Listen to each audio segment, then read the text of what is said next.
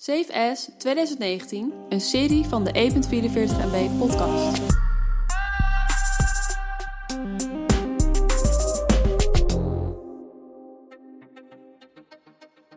Ja, ja, ja, ja, ja, ja, ja. Wat is een lijstje over 2019 zonder de persoon- persoonlijke hoogtepunten?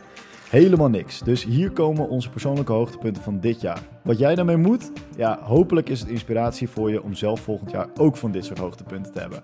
Matthijs, zwengel hem aan met nummertje 5. Nummer 5. Na die intro durf ik niet meer. Eh, mijn nummer 5 is dat... eh, ik heb hier staan Fortnite Victory Royales. En Victory Royales als je een potje hebt gewonnen. Ehm, ik en mijn broers... Mijn broers, sorry, mijn broers en ik. Sorry, Die- als ik hier te hard doorheen lach, dan moet je het zeggen. Die, die krijgen nu eindelijk de skills dat we soms ook een klein beetje potjes winnen.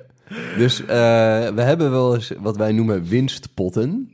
Ja. En dat is voor het eerst in dit jaar, zeg maar. Dus eh, vorig jaar lukte ons dat nog niet. Dus nou, daar zijn we trots op. Ik ben ook heel trots op jullie. Hoog hoogtepunt. Oude Fortniters. Ja, Potverdorie, wat een mooi moment. is jouw nummer Matthijs, vijf, Bram. Mijn nummertje 5.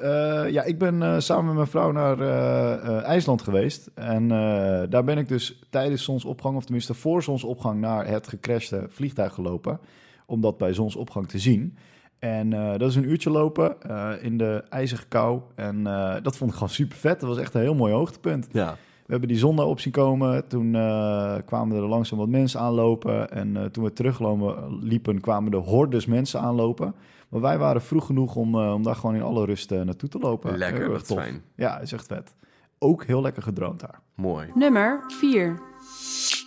En nummer vier voor mij is mijn eh, solo kampeertrippie. Dat is dat ik daaraan ben begonnen. Dus niet dit, niet dit jaar, maar vorig jaar was wel lekker.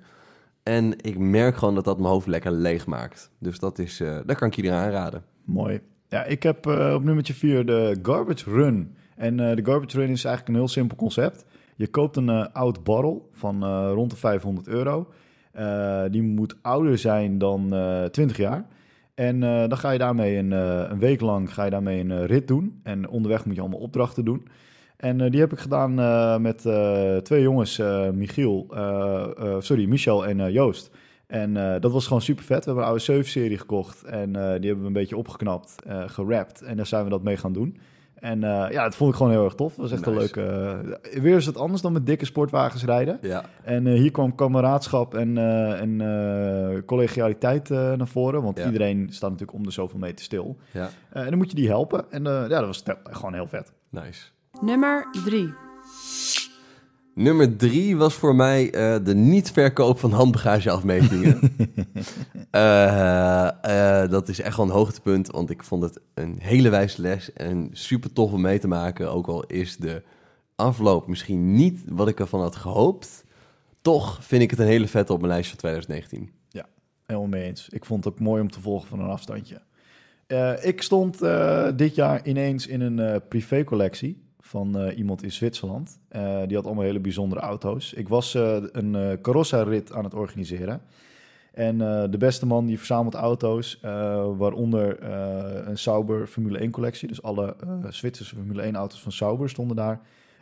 Alle sportauto's die je kunt bedenken. Ferrari Enzo, La Ferrari, ehm, eh, Ford GT, McLaren F1, dat soort dingen.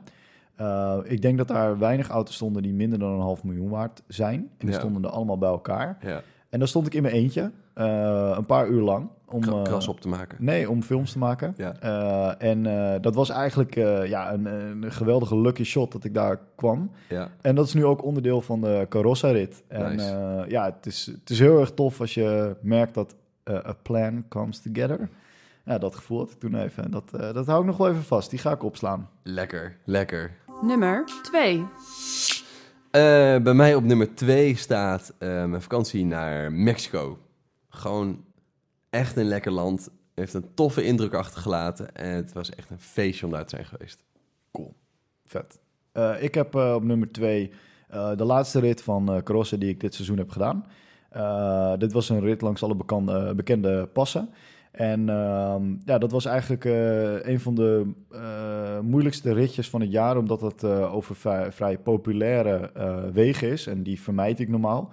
Maar ja, ook de bekende namen die horen bij het assortiment. En ik had georganiseerd dat we daar naar een rally zouden gaan. En ik denk dat ik daar iets eh, ervaren heb wat, eh, wat bijna het eind der tijden is. Daar was namelijk een hill climb. En een hill climb is eh, niks anders dan aan de onderkant van de berg een startstreep. Ja. En bovenop de berg een finishstreep. En je reed zo snel mogelijk naar boven.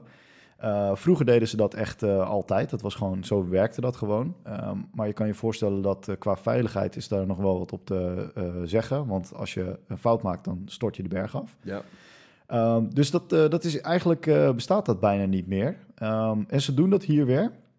Ehm, dat doen ze niet met eh, Opel Corsa's en Renault Clio's. Maar dat doen ze met bijvoorbeeld klassieke Formule 1 auto's en andere klassieke auto's. Vet. Eentje daarvan was bijvoorbeeld de Ferrari Bradfan. Dat is een auto op basis van de 250 GTO. Daar is er eentje van gemaakt door Drogo. Eh, een gewone Ferrari 250 GTO gaat voor zeg maar rond de 30 miljoen. Eh, dit, is, dit is een one-off op basis van die auto. En die ging vol gas die berg op.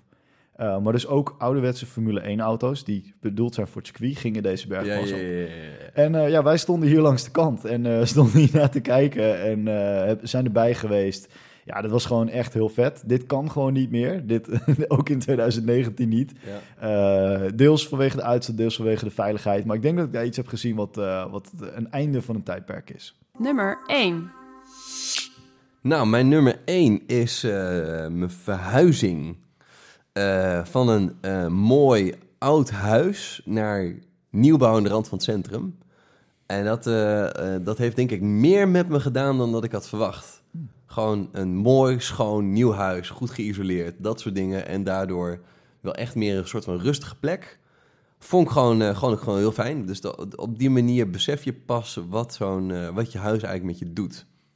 Dus ja, verhuizing is wel, eh, is wel echt, eh, echt mijn hoogtepunt. Ik vind het ook een lekkere plek om podcasts op te nemen. Mooi, fijn.